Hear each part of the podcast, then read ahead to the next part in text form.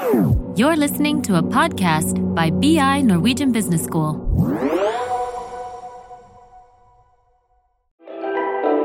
Men heller la den type ting, verdier, prinsipper, la det være ledende. Fremfor at det må være en sånn slavisk De her tre årene skal jeg gjøre sånn, og så er to år sånn, og så blir livet på denne måten. Velkommen til Karrierepraten, en podkast for karriereinspirasjon og innsikt i arbeidslivet fra Handelshøyskolen BI. Mitt navn er Gunhild, og i dag har jeg fått med meg BI-alumni Per Olav Myhre. Per Olav har en bachelor i økonomi og administrasjon og en master i ledelse og organisasjonspsykologi fra Handelshøyskolen BI, og han graduerte i 2015. Han har bl.a. vært leder for studentorganisasjonen, både lokalt og sentralt, og engasjert seg i en rekke styreverv. I dag jobber Per Olav som seniorrådgiver for Synk AS, et strategisk analyse- og rådgivningsmiljø. Jeg er nysgjerrig på hvordan veien har gått fra økonomi til ledelse til kommunikasjon, hva som har vært viktig underveis, og hvordan det er å være nyutdanna i kommunikasjonsbransjen. Velkommen. Tusen takk. Det var jo en eh, veldig kjapp intro av deg, Per Olav. Eh, Det er jo mye jeg ikke har fått med her. Så hvis vi bare starter helt på begynnelsen eh, Hadde du en klar plan da du starta på BI? Nei, jeg hadde vel egentlig ikke det. Eller jeg hadde vel kanskje en plan om å bli økonom. For det var det som var noe av motivasjonen for å starte på BI. At eh, økonomi var spennende. Det hadde jeg funnet ut på videregående. Og så virka utenfra som BI var et godt valg hvis man hadde lyst til å studere økonomi. Så det var vel den opprinnelige planen, og så gikk vel det så som så. Eh, Økonomi er fremdeles spennende og var spennende når jeg gikk her, men jeg fant vel ut at det var en del andre interesser som også var, var verdt å forfølge når man først eh, var her. Så starta med den bacheloren i økonomi, men eh, fant fort ut at det å være i studentforening f.eks. var vel så morsomt som, som det å sitte på, sitte på studiebenken. Så brukte veldig mye tid på det i løpet av bacheloren min. Og det tok jeg egentlig med meg over på mastergraden også. Og da hadde jeg funnet at ledelse var veldig spennende, for da hadde jeg prøvd å få lede studentforeninga her i Trondheim.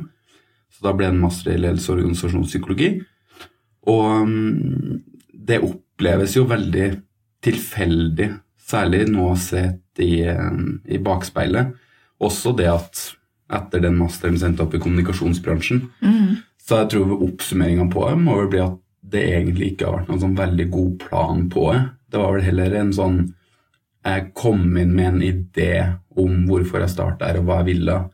Og så ble det bare en del tilfeldigheter underveis som gjorde at jeg fant bedre ut hva jeg syntes var gøy, hva jeg var flink til, hva jeg hadde lyst til å gjøre, hvilke ambisjoner jeg hadde.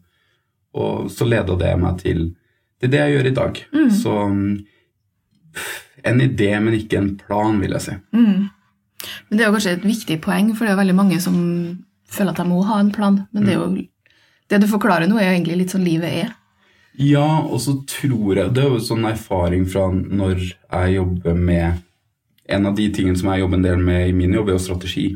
Og der også ser man at si, tidssyklusen på strategi har endra seg en del. fordi Tidligere så har man jo alltid prata mye om ja, du legger en strategi, og skal den vare i fem år. Du banken og sånn. Det her er det vi skal få til, det her er det vi skal jobbe med, og så holder deg til det. Nå, og det begynner å bli en klisjé, da, men verden beveger seg såpass fort at det å ha en sånn illusjon om at noe kan vare i fem år eller ti år, for den saks skyld, det bare funker ikke.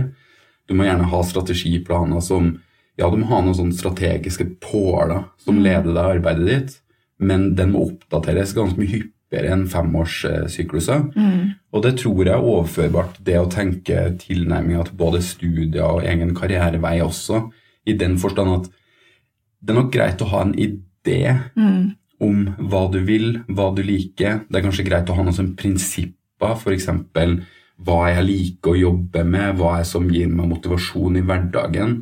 Men heller la den type ting, verdier, prinsipper, la det være ledende, fremfor at det må være en sånn slavisk De her tre årene skal jeg gjøre sånn, og så er to år sånn, og så blir livet på denne måten. Fordi det må man jo bare innse at det, det blir jo veldig sjeldent akkurat på den måten man har innsett. Jeg tror man kommer mye bedre ut av det og blir lykkeligere også hvis man klarer å være fleksibel på det at her skal jeg gjøre en god jobb, jeg skal få så mange gode opplevelser som mulig, skal bli kjent med folk, og så får man ta ting litt etter hvert. Og det er jo enkelt å si ettersom det ble, det ble litt min vei, da. Men jeg opplevde at jeg fikk veldig mye ut av det, og heller være nysgjerrig på muligheter, være åpen for at når noe dukker opp, så tar man det, istedenfor å ha en sånn veldig hva skal du si, disiplinert tilnærming til egen karrierevei fra start. For da tror jeg nok da hadde jeg nok endt opp som økonomrevisor økonom, eh, revisor eh, et eller annet sted, og det hadde vært helt greit, det også, men jeg vet jo med meg selv nå at det er jo ikke det mennesket jeg er, eller det jeg egentlig har lyst til å holde på med. Og det hadde jeg aldri funnet ut hvis jeg ikke har vært åpen for at en del ting kunne endre seg på veien. Det tror jeg er en veldig viktig lærdom å ta med seg videre. Du har jo vært inne på det at du hadde jo veldig mange verv underveis i studietida. Sikkert eh, flere enn de fleste studentene. Hvorfor, eh, hvorfor gjorde du det, og hva, hva tenker du var utbyttet både underveis og i etterkant? Nei, altså, jeg tror det er flere grunner til det. Jeg må ærlig innrømme at når jeg starta på BI, så var nok litt av innfallsvinkelen min at jeg så på verv som en fin måte å bli kjent med nye folk på. At det var mer sånn her har du en inngang til å danne et sosialt miljø.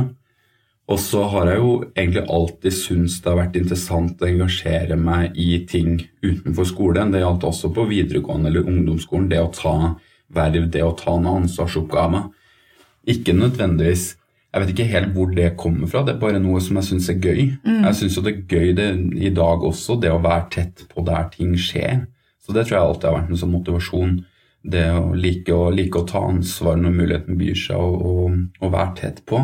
Men når jeg startet på BI, så var det hovedsakelig bare en sånn Her ser jeg en fin mulighet til å komme inn i det sosiale miljøet.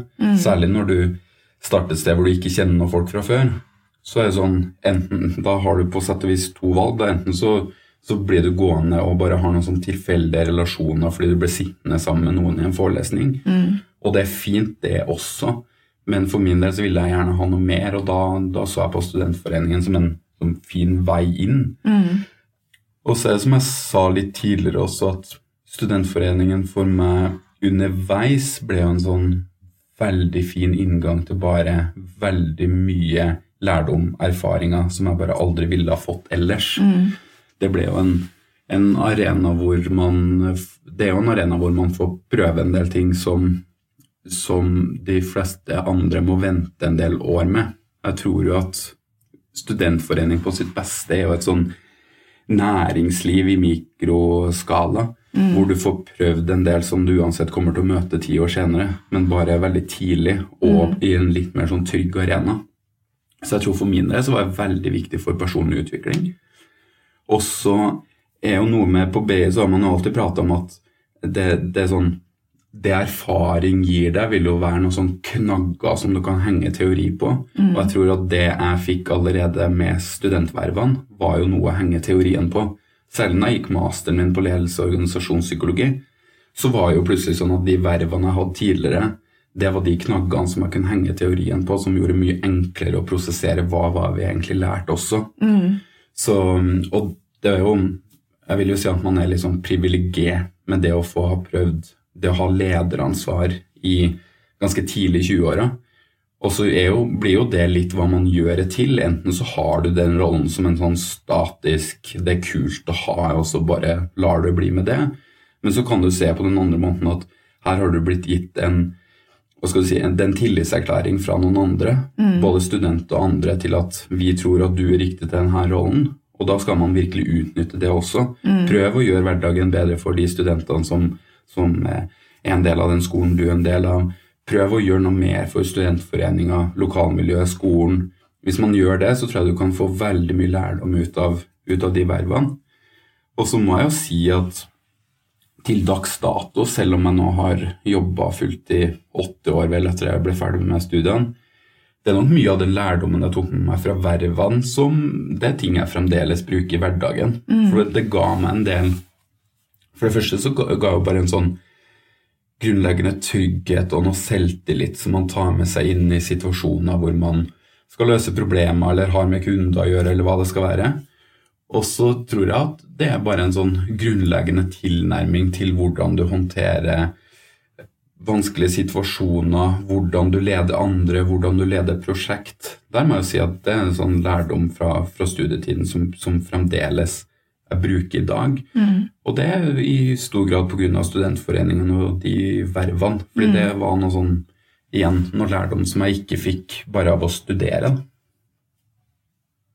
Så bra. Men eh, ja, nå har du jo snakka om det her med engasjement underveis i studiene.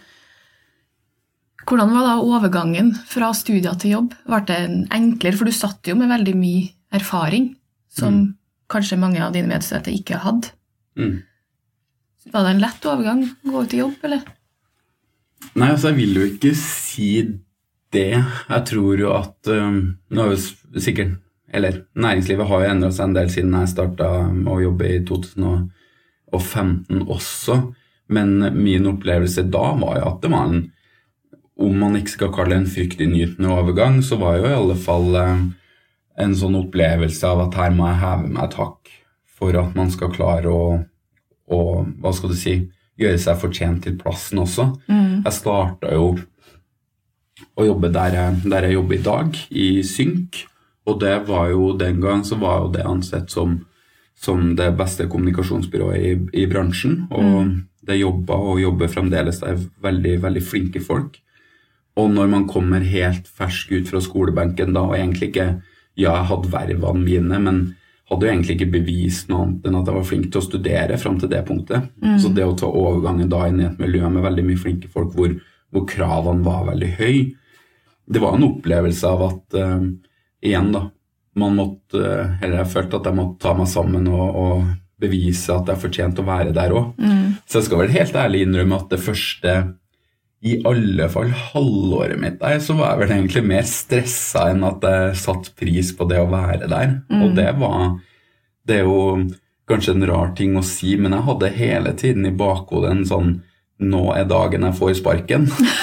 Altså hver gang, hver gang jeg leverte fra meg noe som jeg tenkte at det her var jo ikke helt der det burde være, så var det alltid en eller annen stemme i bakhodet som var sånn Det her er jo ikke godt nok.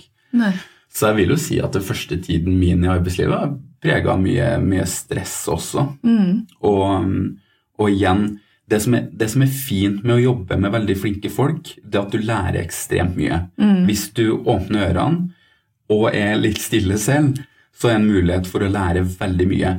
Men så kan du si at baksiden av det igjen er at du hele tiden blir gjort veldig bevisst på hva du ikke kan selv. Ja. Jeg tror for min del så var det en sånn dualitet det at jeg ja, jeg har lært veldig mye av de jeg jobber med da også, men jeg var nok ikke like god til å få med meg at her lærer jeg faktisk mye. Og jeg ble veldig fokusert på at å ja, se hvor mye jeg ikke kan selv.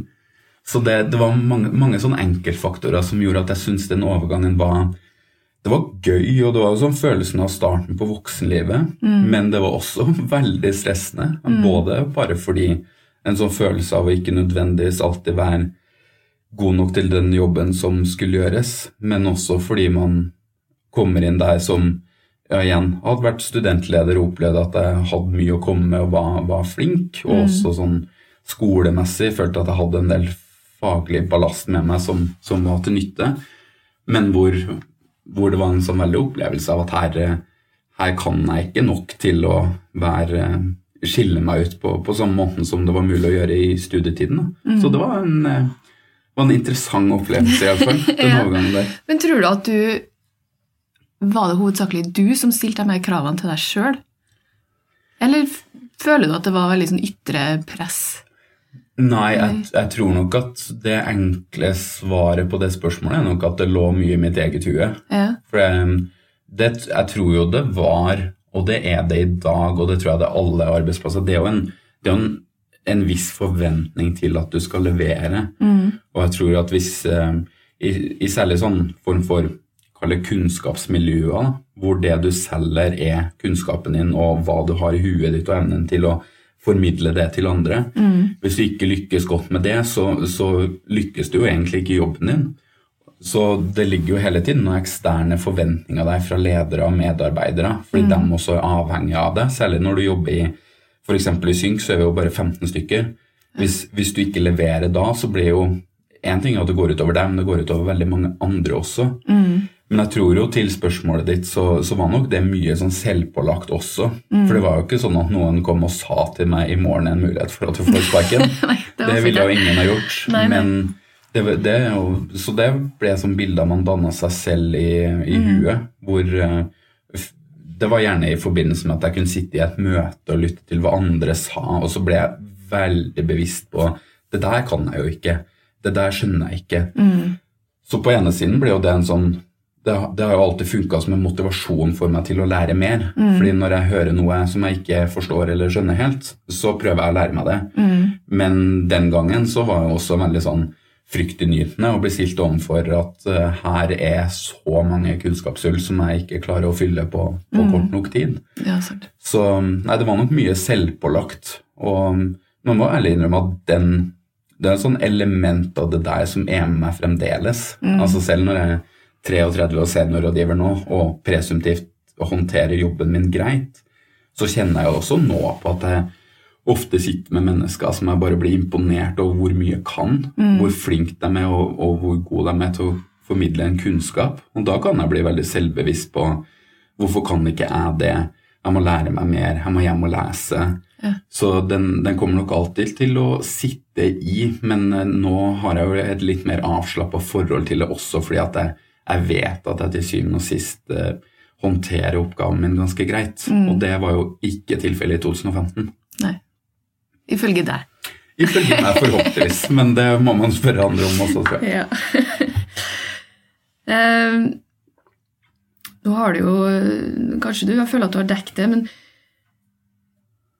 tok det lang tid før du kjente på mestring? Da? Skal vi si, hva var det som var mest utfordrende? Du snakka jo om det her med liksom, det å kjenne på at du mangla kunnskap. Mm. Men hvor lang tid tok det på en måte før du kjente at nei, det her, det her klarer jeg? Altså, jeg tror det, det er jo et litt sånn åpent spørsmål om jeg egentlig enda føler særlig grad av mestring, for å være ærlig. Ja. I den forstand at det, det prater man jo en del om at jo mer kunnskap du får, så blir du jo også mer bevisst på hvilken kunnskap du mangler. Og det tror jeg jo alltid har vært tilfellet for min del også, at etter hvert som jeg lærer mer og forstår mer, så ble jeg også veldig bevisst på alt som jeg bare ikke forstår, ikke skjønner. Og så igjen, det er jo ting jeg prøver å jobbe med, men det er jo alltid en erkjennelse for meg selv at nå lærer jeg ikke fort nok, eller får ikke ting med meg fort nok. Så den mestringsfølelsen, den, den prøver jeg jo fremdeles å få. Det jeg vil si da, er at jeg tror jo at det er veldig vanskelig, eller det var veldig vanskelig for min del å føle den mestringsfølelsen sånn dag til dag eller uke til uke. Det jeg merka med i alle fall min karriere, er at jeg gjerne merker mestringsfølelsen hvis jeg ser det i sånn årsperspektiver. Hvert rundt nyttår, da, hvis jeg ser tilbake på det foregående året, så kan jeg kjenne en del på mestringsfølelse fordi at det er en del sånn spesifikke ting som jeg kan peke på at det her håndterte jeg vesentlig bedre i år enn hva jeg gjorde i fjor. Og det, det tenkte jeg på, på senest i år også, at det er en del sånn ting som jeg i 2022 syns var kanskje utfordrende, enten det var kundeprosjekter eller eh, oppgaver jeg skulle løse, som jeg tenkte det her var kjempevanskelig. Og så sitter jeg her nå noen måneder senere og, og ser tilbake på og tenker sånn Det håndterte jeg jo egentlig ganske greit, og nå vet jeg veldig godt hvordan jeg gjør det neste gang. Ja. Så jeg tror at den, den opplevelsen av mestringsfølelse fikk jeg ganske sjeldent i starten. Da var jeg nok litt tilbake til det jeg sa i sted også. Da var jeg mye mer sånn Det ble nok overskygga av at jeg hele tiden tvilte veldig på om jeg egentlig kunne nok, og om jeg gjorde meg fortjent til plassen min, da, for, for å si på den måten. Så det er nok nå i de senere år jeg har blitt bedre til å både gjenkjenne mestringsfølelse og det å faktisk føle litt på den. Så jeg, fordi nå sitter jeg jo her igjen 33 år gammel og vet veldig godt at jeg kan utrolig mye mer enn hva jeg gjorde da jeg var 27. Og det vet jeg, det, det er jo som jeg prater med en del andre om også, at det er sånn det må bare være på plass i karrieren. At fra år til år så må jeg føle at en viss form for progresjon. Mm. Fordi hvis jeg klarer et år å se tilbake til foregående året og tenke at jeg lærte ikke en puck, da har man et problem, da, tenker jeg. Mm. Altså ikke et problem i den forstand at man ikke skjønner hva man har lært, men man har et problem i den forstand at da bør du strengt tatt enten finne noe annet å gjøre, eller radikalt gjøre om på hverdagen din. Mm. Fordi hvis det ikke er noe læring, særlig når du er sånn 20-30-åra, men egentlig resten av livet også, Mm. så er noe, noe ganske dårlig på gang. Da må man ta tak i. Mm. Så det var en, et veldig langt svar på et enkelt spørsmål. Men eh, nei, jeg, jeg kjente ikke veldig mye på mestringsfølelse i starten. Nei. Det var nok bare små drypp en gang iblant. Mm. Hvis, eh, hvis en leder var flink til å se hva jeg hadde gjort, og sa det der var kjempefint. Mm. Og da kunne man føle på et, eh, et lite minutt før man gikk videre til å bekymre seg for neste oppgave. Ja, sant. Uff. Um, jeg opplever jo at jeg kjenner ikke til den bransjen her noe godt. Jeg syns det er litt sånn mystisk bransje, egentlig. Um, men jeg opplever jo at det her er en bransje med relativt høy selvtillit. Mm. Eh, stemmer det? Og i så tilfelle, tror du det påvirker litt hvordan du som nyutdanna opplever når du kommer inn? Mm. Det syns jeg er et eh, godt spørsmål. Jeg tror for det første så er jo en, en Jeg tror det er en bransje som ikke akkurat gjør seg selv en tjeneste med å i mange år ha også tror jeg dyrka litt i at man er litt mystisk. At det er litt vanskelig å få innsikt i hva man egentlig holder på med. Det tror jeg gjør egentlig mer skade enn godt. Fordi realiteten er jo at det, det skjer ikke så mye mystisk der. Det er ganske vanlige arbeidsplasser i, i privat sektor hvor man gjør eh, ja, konsulenttjenester, rådgivning, analyse på lik linje med veldig mange andre. Men så tror jeg nok at du er inne på noe at det er en bransje som har veldig mange med veldig høy selvtillit. Jeg vet ikke om bransjen sånn jevnt over har høy selvtillit, fordi vi, vi får en del bank sånn eksternt fra oss, hvor det blir en del fokus på bransjen vår, og mm. stilt spørsmål til hva, hva, det er for noe, og hva, om det burde endres osv. Men, men du har jo absolutt mange individer som har veldig høy selvtillit, og det tror jeg jo ble prega litt min første tid også. Igjen jobba med masse veldig flinke folk, men også folk som hadde veldig mye erfaring. altså gjerne Mm. i alle fall 20 års mer erfaring enn en meg. Og med det så kom selvtilliten òg. Og når du blir møtt med, møtt med det, så blir du gjerne enda mer usikker på om, om dine egne meninger, om dine egne tanker egentlig henger på greip. Mm. Og så tror jeg jeg har vært heldig med å ha Jeg har nok hele veien også hatt folk rundt meg som har vært veldig flinke til å hva skal du si, være sparringspartnere for meg, som jeg kan ha en åpen dialog med, som jeg kan spørre om spørsmål litt sånn uten å være redd for at det skal få noen konsekvenser for meg. Så det har jo gjort at jeg kunne ha håndtert det greit, det å jobbe med veldig mye erfarne og flinke mennesker. Men jeg tror at i starten av karrieren så var det jo utfordrende fordi man eller min opplevelse ble at her er mange som er skråsikre på hva de selv tenker og mener om ting. Ja, ok, da må jo det bety at jeg tar feil i det jeg har sagt. Og så har jeg lært meg noen, se noen år senere, og det tror jeg er en sånn sunn refleks også, at i dag er jeg jo sånn litt uansett hva noen sier til meg, så prøver jeg å ha en litt sånn kritisk tilnærming til Jeg hører hva du sier, men er du egentlig helt sikker på at du har rett i det du sier? Altså uansett om det er mennesker med jeg tror det er sunt uansett om det er folk med fem års erfaring eller 30 års erfaring. Så tror jeg det viktigste du må bringe til torgs, er en god argumentasjon for hvorfor du sier det du sier. Og har du ikke den, så tror jeg det er sunt å stille spørsmål ved personen sine poeng også. Det var jeg jo ikke bevisst på da jeg var yngre, og gjorde ikke det i det hele tatt. Og da gjorde jo også at selvtilliten ble jo dårlig når man blir møtt med noen med veldig høy selvtillit. Nå bryr jeg ikke meg på samme måte. Men eh, til spørsmålet ditt, så tror jeg en, det er en bransje med, med høy selvtillit, i alle fall i enkeltindivider og i enkeltmiljøer. Det, det er nok absolutt som og som tidvis nok kan gjøre også mer utfordrende for særlig unge som kommer inn, som er Vi har jo masse folk i vår bransje, og også i mitt selskap, som, som er i slutten av 20-årene, starten av 30-årene, som er veldig, veldig dyktig, og som har masse smart å komme med, veldig gode og gjennomtenkte meninger, men som ikke alltid slipper til også fordi det er andre som har mye mer erfaring, som mener at ja, men det der har vi gjort 100 ganger før, og det funka ikke da, så vi skal ikke gjøre det en gang til. Og når du blir møtt med den typen tilbakemeldinger, så er også jeg vet ikke, Det går jo utover selvtilliten din og det går utover motivasjonen din på et eller annet tidspunkt. Så det tror jeg at alle som har jobba en stund i hvilken som helst sektor, skal være sitt ansvar bevisst da, på hvordan man påvirker særlig yngre arbeidstakere rundt seg på det å gi dem den selvtilliten, istedenfor å være noen som stjeler den selvtilliten og motivasjonen. da. Ja, absolutt. Nå var du så vidt innpå det. Du snak, eh, sa at eh, du hadde folk som eh, eh, bidro underveis, som du kunne snakke med. Eh, og så har jeg også notert meg det at du Noe annet som var viktig underveis, var utvikling av egen nysgjerrighet. Kan du si litt mer om det? Liksom med, for du hadde noen mentorer, vet du hva det er? Mm. Ja.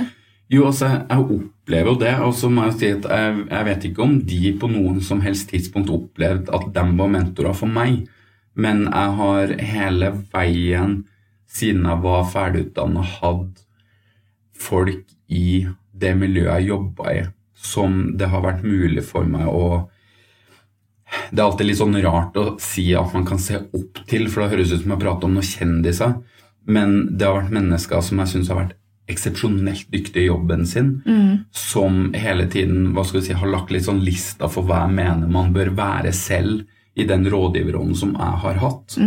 Og så har jeg også vært såpass heldig at jeg har fått mulighet til å komme tett på de her menneskene i den forstand at det har vært mulig for meg å få stille spørsmål rundt du gjør sånn, hvorfor gjorde du det? Eller du sa sånn i det møtet, hvorfor gjorde du det? Og du kan si i min verden med det jeg jobber med, så er det gull verdt, fordi det er noe med tilbake til at du kan ha masse meninger og standpunkter, men noen ganger så er det veldig vanskelig å forstå hvordan har folk kommet fram til det de tror på, eller det de sier. Og for min del så har det vært veldig viktig da å få noen mennesker i karrieren min som jeg kan ha en, en mer åpen samtale med om hvorfor gjør du det du gjør, hvordan gjør det, hvilke erfaringer er det, eller kunnskap er det du tar med deg som gjør at du ga det rådet der. Fordi det er jo ikke alltid sånn at det er ting man bare kan plukke opp og applisere selv, men det gjør iallfall at du blir mer reflektert rundt din egen hva skal du si, fremtoning og hvordan du tilnærmer deg ting. Så det har vært, igjen, iallfall sånn uformelt, helt avgjørende for mange av de stegene som jeg har tatt også. Tilbake til det her med det å føle at man behersker noe, det å føle at man lykkes med noe det har vært veldig viktig for meg å ha andre å lære av for at jeg skal få til det. For jeg tror ikke jeg hadde altså Nå får det være opp til andre å bedømme om jeg i det hele tatt er flink til jobben min, det skal jo sies, men i, hvis jeg er det, så er, har jo det kommet som et resultat av at jeg har lært veldig mye av veldig mange andre òg. Så det har vært helt uvurderlig for meg, egentlig. Henger det her da sammen med det, det du har snakka om i forhold til utvikling og nysgjerrighet, eller er det mer fordi du tok de mulighetene som kom, eller begge deler? Ja, jeg tror, jeg tror det er et godt spørsmål, så tror jeg svaret er, er ganske sammensatt. Altså For min del så har nysgjerrighet alltid vært en sånn Kall det en, en grunnleggende verdi som er viktig for meg. Og det har vært med meg egentlig helt fra, fra barndommen. Har hatt eh, foreldre som har vært veldig flinke til å være tydelige på at det viktigste du kan være, er nysgjerrig. Stille spørsmål ved ting, prøve å lære deg nye ting, oppsøke ny kunnskap. Så det er jo noe som har hatt med meg hele veien, og noe som også har gjort at i, både i studietiden og etter studietiden at jeg hele tiden er på jakt etter noe ny kunnskap, nye perspektiver, enten det er gjennom å prate med folk som jeg vet kan veldig mye mer enn meg, lese bøker, altså hva det enn måtte være, det å hele tiden ha kontinuerlig påfyll av ny kunnskap og nye perspektiver, det har vært helt um, avgjørende for min utvikling i hvert fall. Og så tror jeg jo et, et viktig element av det som er, som er innom også, er at den læringen og utviklingen og nysgjerrigheten Noe av det beste jeg vet, er jo når jeg får muligheten til å sette meg ned en, en time og prate med folk som bare er veldig mye flinkere til det de gjør, eh, enn meg. Litt uavhengig av hva de holder på med, egentlig. Og igjen, der har jeg vært såpass heldig at i alle fall nå noen år ute i karrieren min, så har jeg blitt kjent med en del folk som jeg syns er veldig dyktige. Og jeg merker at hver gang jeg Enten det er at man går ut og tar en kaffe eller tar en øl, eller at det er et møte på jobb det å bare få lov til å sitte og stille spørsmål og være nysgjerrig på hva de kan, hva de vet, hva de mener, hva de tror, det er sånn helt uvurderlig. Og igjen, de, noen ting kan de som jeg aldri har noen forutsetning for å lære meg engang, men, men det det alltid gjør, er å gi meg noen nye perspektiver som gjør at jeg igjen tenker det der har jeg også lyst til å lære. Jeg har lyst til å skjønne mer, vite mer. Så jeg tror at det å ha folk rundt seg, ikke nødvendigvis bare mentorer, men men folk i vennegjeng og kollegaer som er dyktige, som har mye kunnskap, det er uvurderlig for ens egen utvikling òg. Og det Mm. har jeg iallfall merka for min egen del, at det, det setter jeg så stor pris på. Mm. Så bra. Eh, det her syns jeg er veldig viktige poenger å ta med seg. Både det her med å være fleksibel, nysgjerrig, og det å lære av menneskene rundt seg. Så tusen takk for praten, Per Olav, og takk for at du ville komme hit i dag. Og er du som lytter nysgjerrig på denne litt eh, mystiske kommunikasjonsbransjen, så få med deg neste episode av Karrierepraten, hvor vi vil snakke mer om hva de gjør, hvordan de jobber, og hva som skal til for å lykkes.